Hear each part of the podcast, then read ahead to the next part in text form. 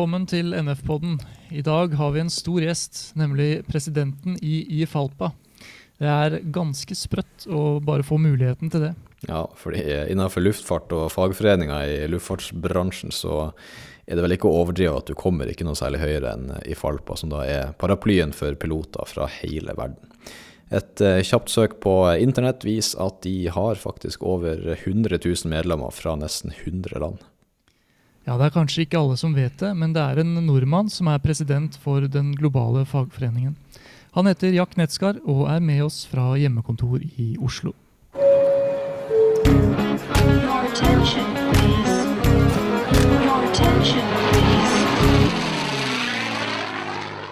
Vi har fått storfint besøk i podkasten og ønsker velkommen til IFALPA-president Jack Netskar. Takk for det. Du, Jack, eh, helt først bare for å forstå det her litt. Hva er egentlig IFALPA for noe? Altså IFALPA det er uh, International Federation of Airline Pilot Associations. Så det er altså en, en federasjon som består av uh, flygerforbund.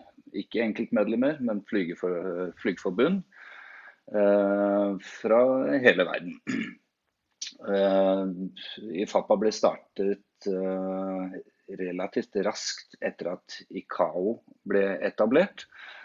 Og jeg har drevet parallell uh, virksomhet siden ja, 72 år siden, sammen med ICAO.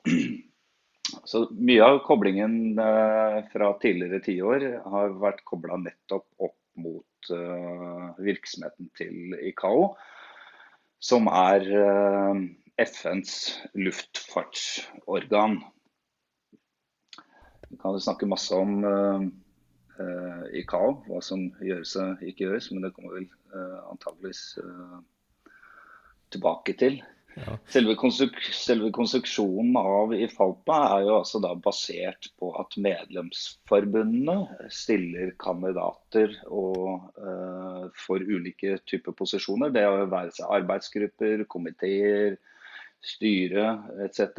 Uh, til rådighet. Uh, og for, for egen kost og regning, for å si det sånn. Mm. Ja, for dere, eh, Du snakka litt om her. Dere møter i ICAO, er det sånn? Ja, og vi har alltid hatt eh, som den eneste non-governmental eh, organization. Altså ICAO består av 193 medlemsland, alle som er medlem av FN.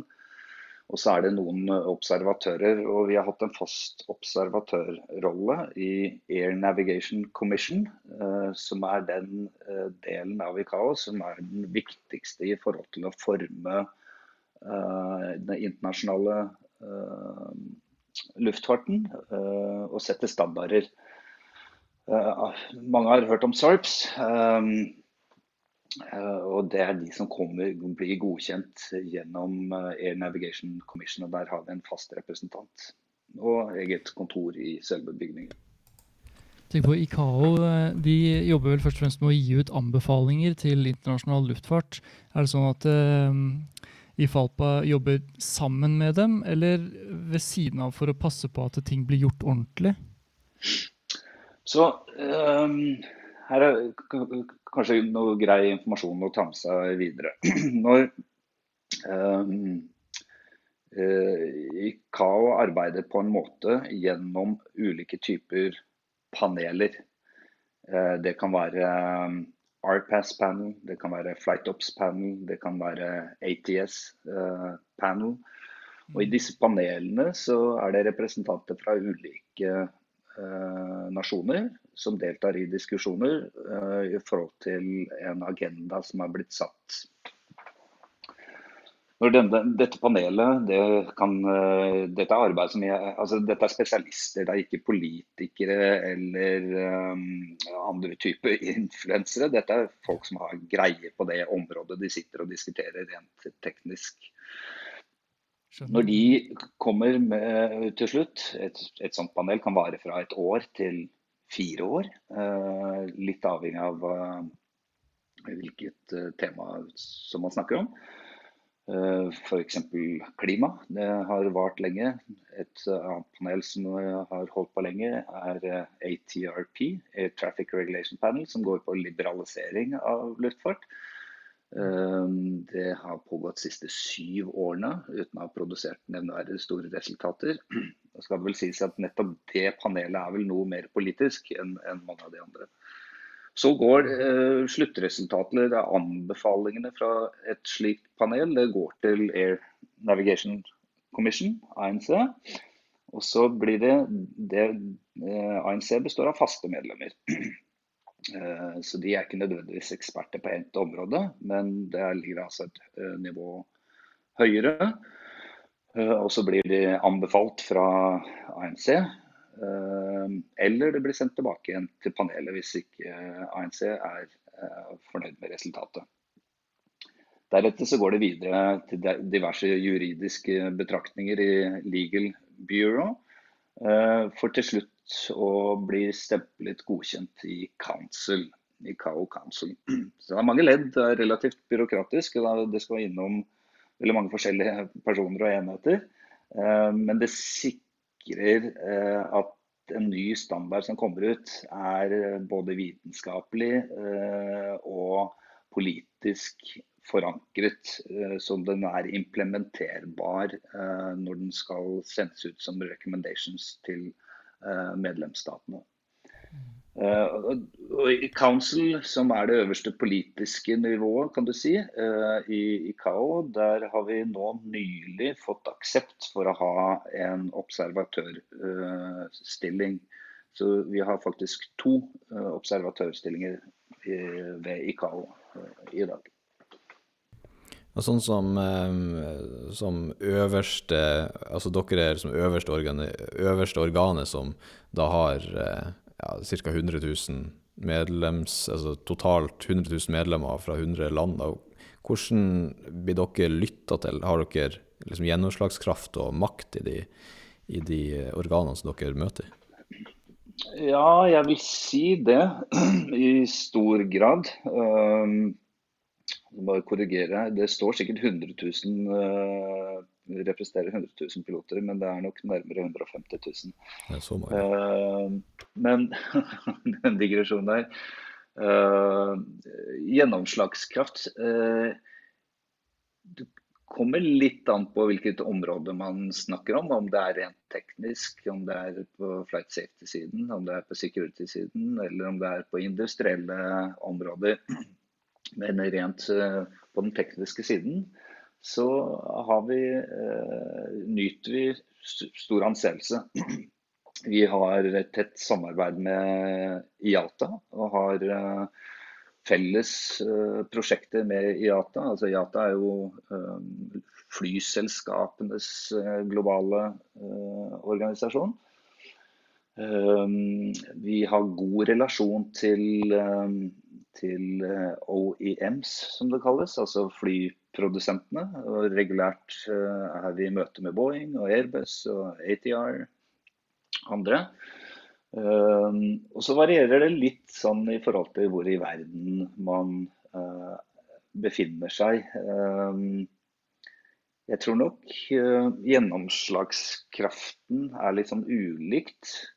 Den er kanskje minst i Europa pga. Uh, tradisjonelle forhold. Uh, kanskje mest i steder som, som uh, Afrika, Asia, Latin-Amerika.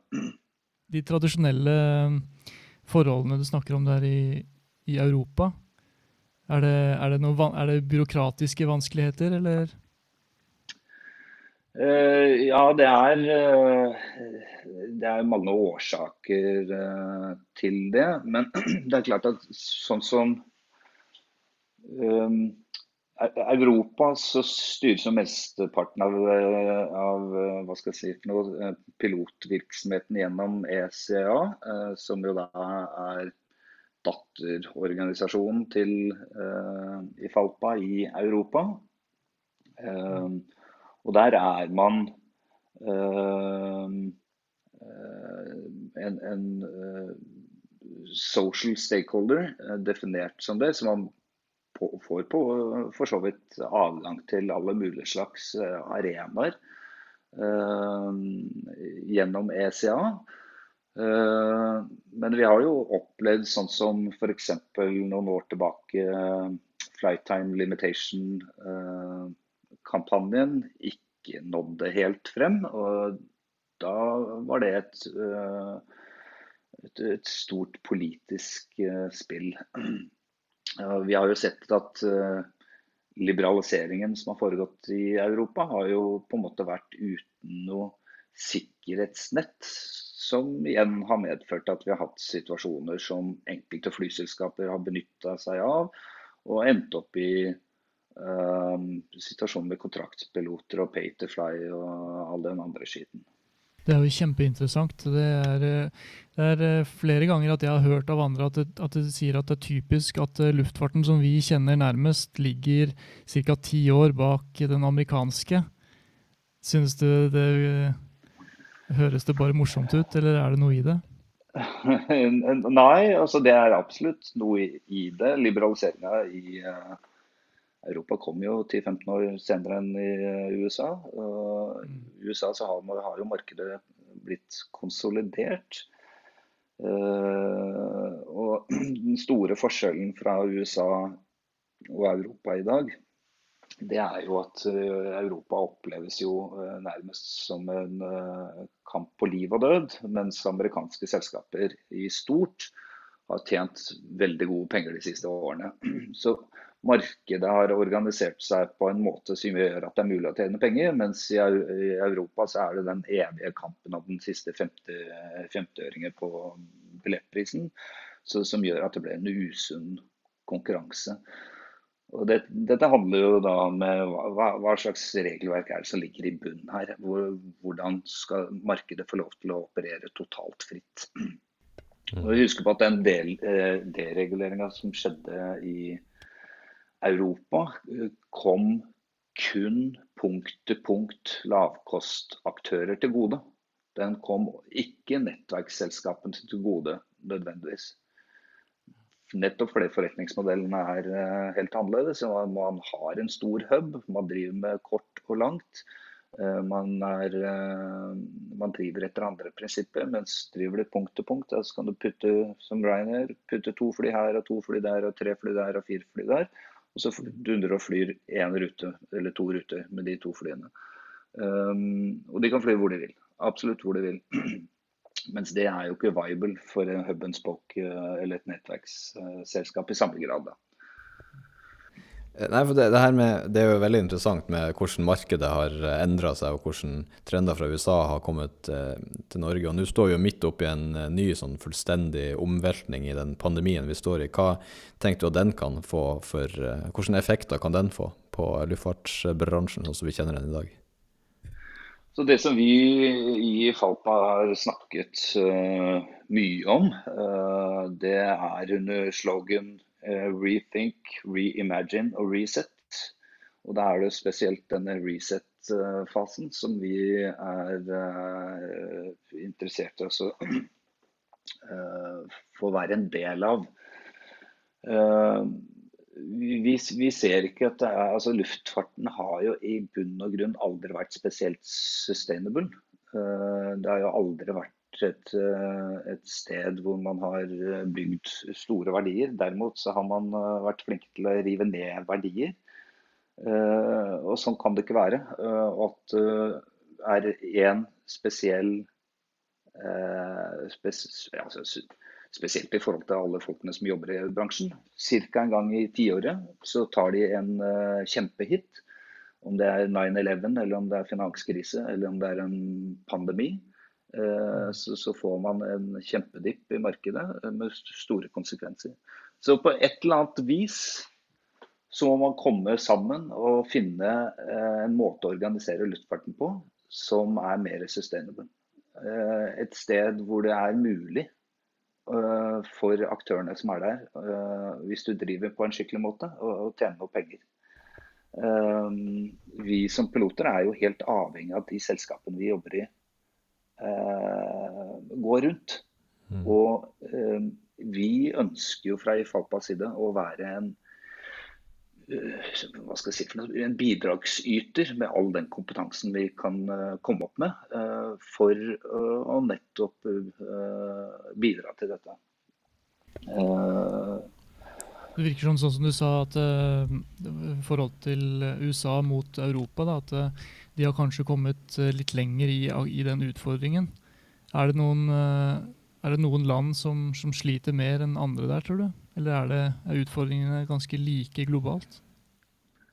I forhold til Nei, altså Og det er jo en av de elementene som, som er fascinerende og som jeg syns er interessant. For det, det, er ikke one size fits all når vi snakker globalt.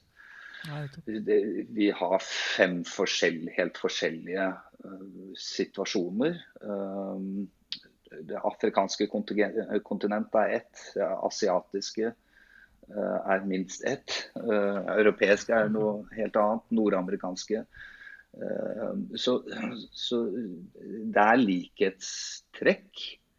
Men men, og det ser vi jo uh, når vi har hatt disse Air Traffic Regulation Panel-diskusjonene, hvordan uh, ulike nasjoner ønsker en, uh, en økt liberalisering og deregulering, mens andre aktører ikke ønsker det. Og Der ser du jo aktører som de holder til i Midtøsten, veldig på liberalisering. Australia, eh, New Zealand veldig på liberalisering. Chile det samme. altså Disse landene som ligger i hver, hver sin ende av verden. Mens en del europeiske aktører og USA er litt mer tilbakeholden uh, i forhold til en del av disse uh, forsøkene på liberalisering. Så alle Eh, altså alle issues, eh, så vil det være variasjoner i forhold til hvilken del av verden du, du snakker om. Mm. Det må jo være, eh, Når du snakker om liksom de forskjellene, det må jo være enorme forskjeller når dere representerer alt fra ja, Widerøe på vestkysten i Norge til svære amerikanske flyselskap og i det hele tatt. og Hvordan man da skal kunne klare å, å lage en politikk som liksom tar vare på alle like mye. da. Ja, eh, og det er et veldig godt poeng. Og det er vel eh, Kall det hovedutfordringen i den stillingen som jeg sitter i nå. Det er å sørge for å strømlinjeforme eh, denne politikken, da, eller ulike typer positions. Så måten vi, vi, jobber på, vi har jo ti ulike forskjellige Eh, komiteer som har hvert sitt ansvars, ansvarsområde. På, på, teknisk side, på industriell side og på juridisk side.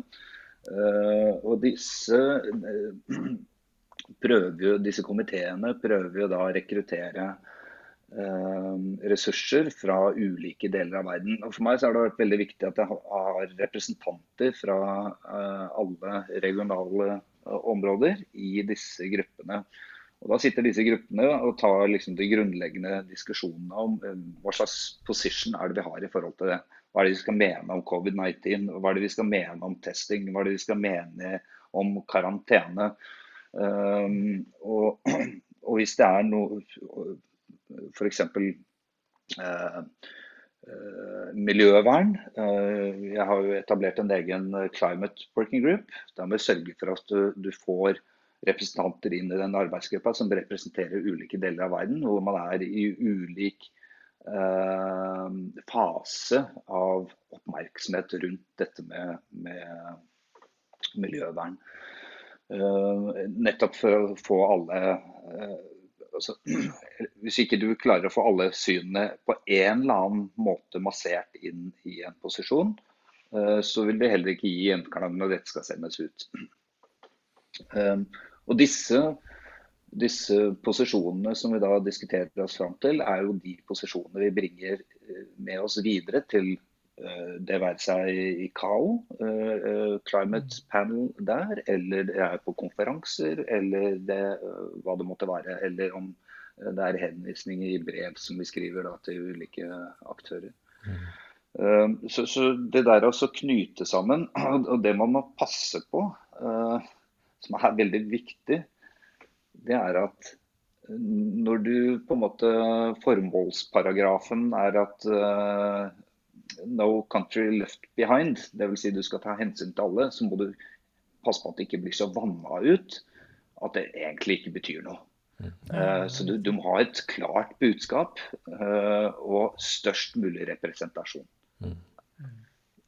Du, bare sånn på, eh, til slutten, vi må, jo, vi må, jo, innom det her. Det er jo en, eh, den spesielle uke, for det er jo i, i Falpa-konferanse der det da bl.a. skal uh, gjenvelges president, som den stillinga du sitter i. Blir du sittende der fortsatt etter onsdag?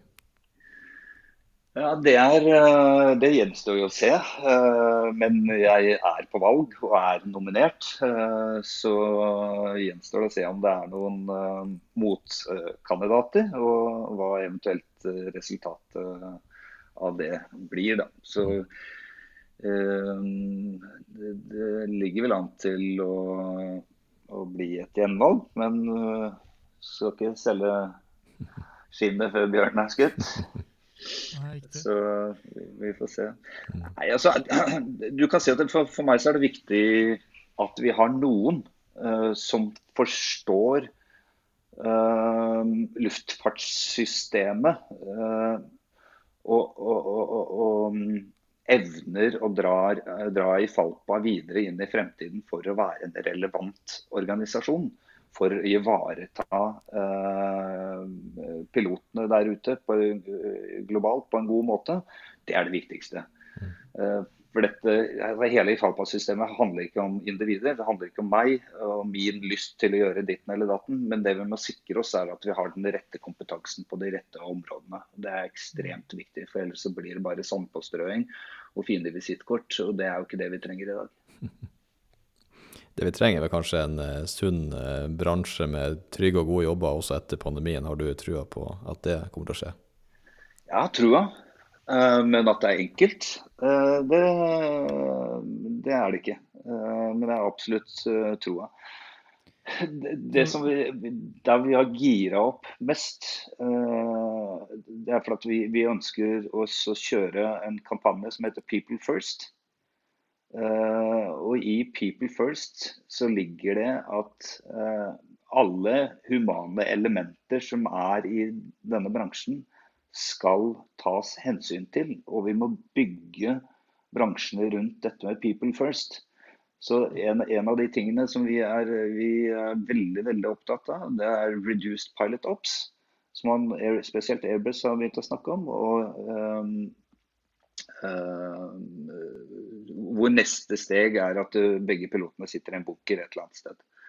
Eh, vi tenker at det er helt feil å putte penger eh, i, i et, et, sånt prosjekt, og at det finnes masse andre flight safety-relaterte nye prosjekter som vil gi mer bang for the buck, for å si det sånn.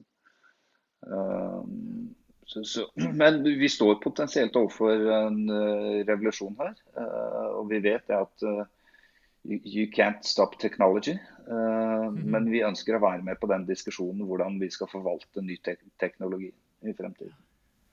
Mm. Rent teknologisk så høres det jo utrolig spennende ut å skulle klare å få til noe såpass komplisert. Men det er klart, det høres jo veldig fint ut at vi skal ha, at vi skal ha people first. Ja, altså, jeg, jeg, skal ikke om bord i et av de første flya der. Nei, jeg skjønner. Jeg skjønner.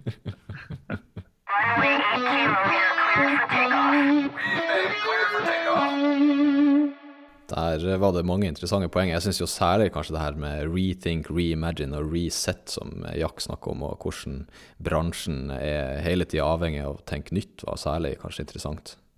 Ja, og spesielt dette med pandemien. Den, den, tvinger oss jo til å tenke nytt. Mm. Og så er det jo få, eller kanskje til og med ingen, som aner noen ting om hvordan framtida ser ut i denne bransjen vår. Da. Men jeg må jo si at jeg syns det er veldig godt å vite at eh, man har de riktige folkene på de riktige plassene. Ja, helt enig. Det er veldig betryggende. Vi ønsker eh, Jack selvsagt lykke til med valget som er i morgen onsdag. Og så må du som hører på, huske å sende e-post med innspill, og så høres vi i neste episode.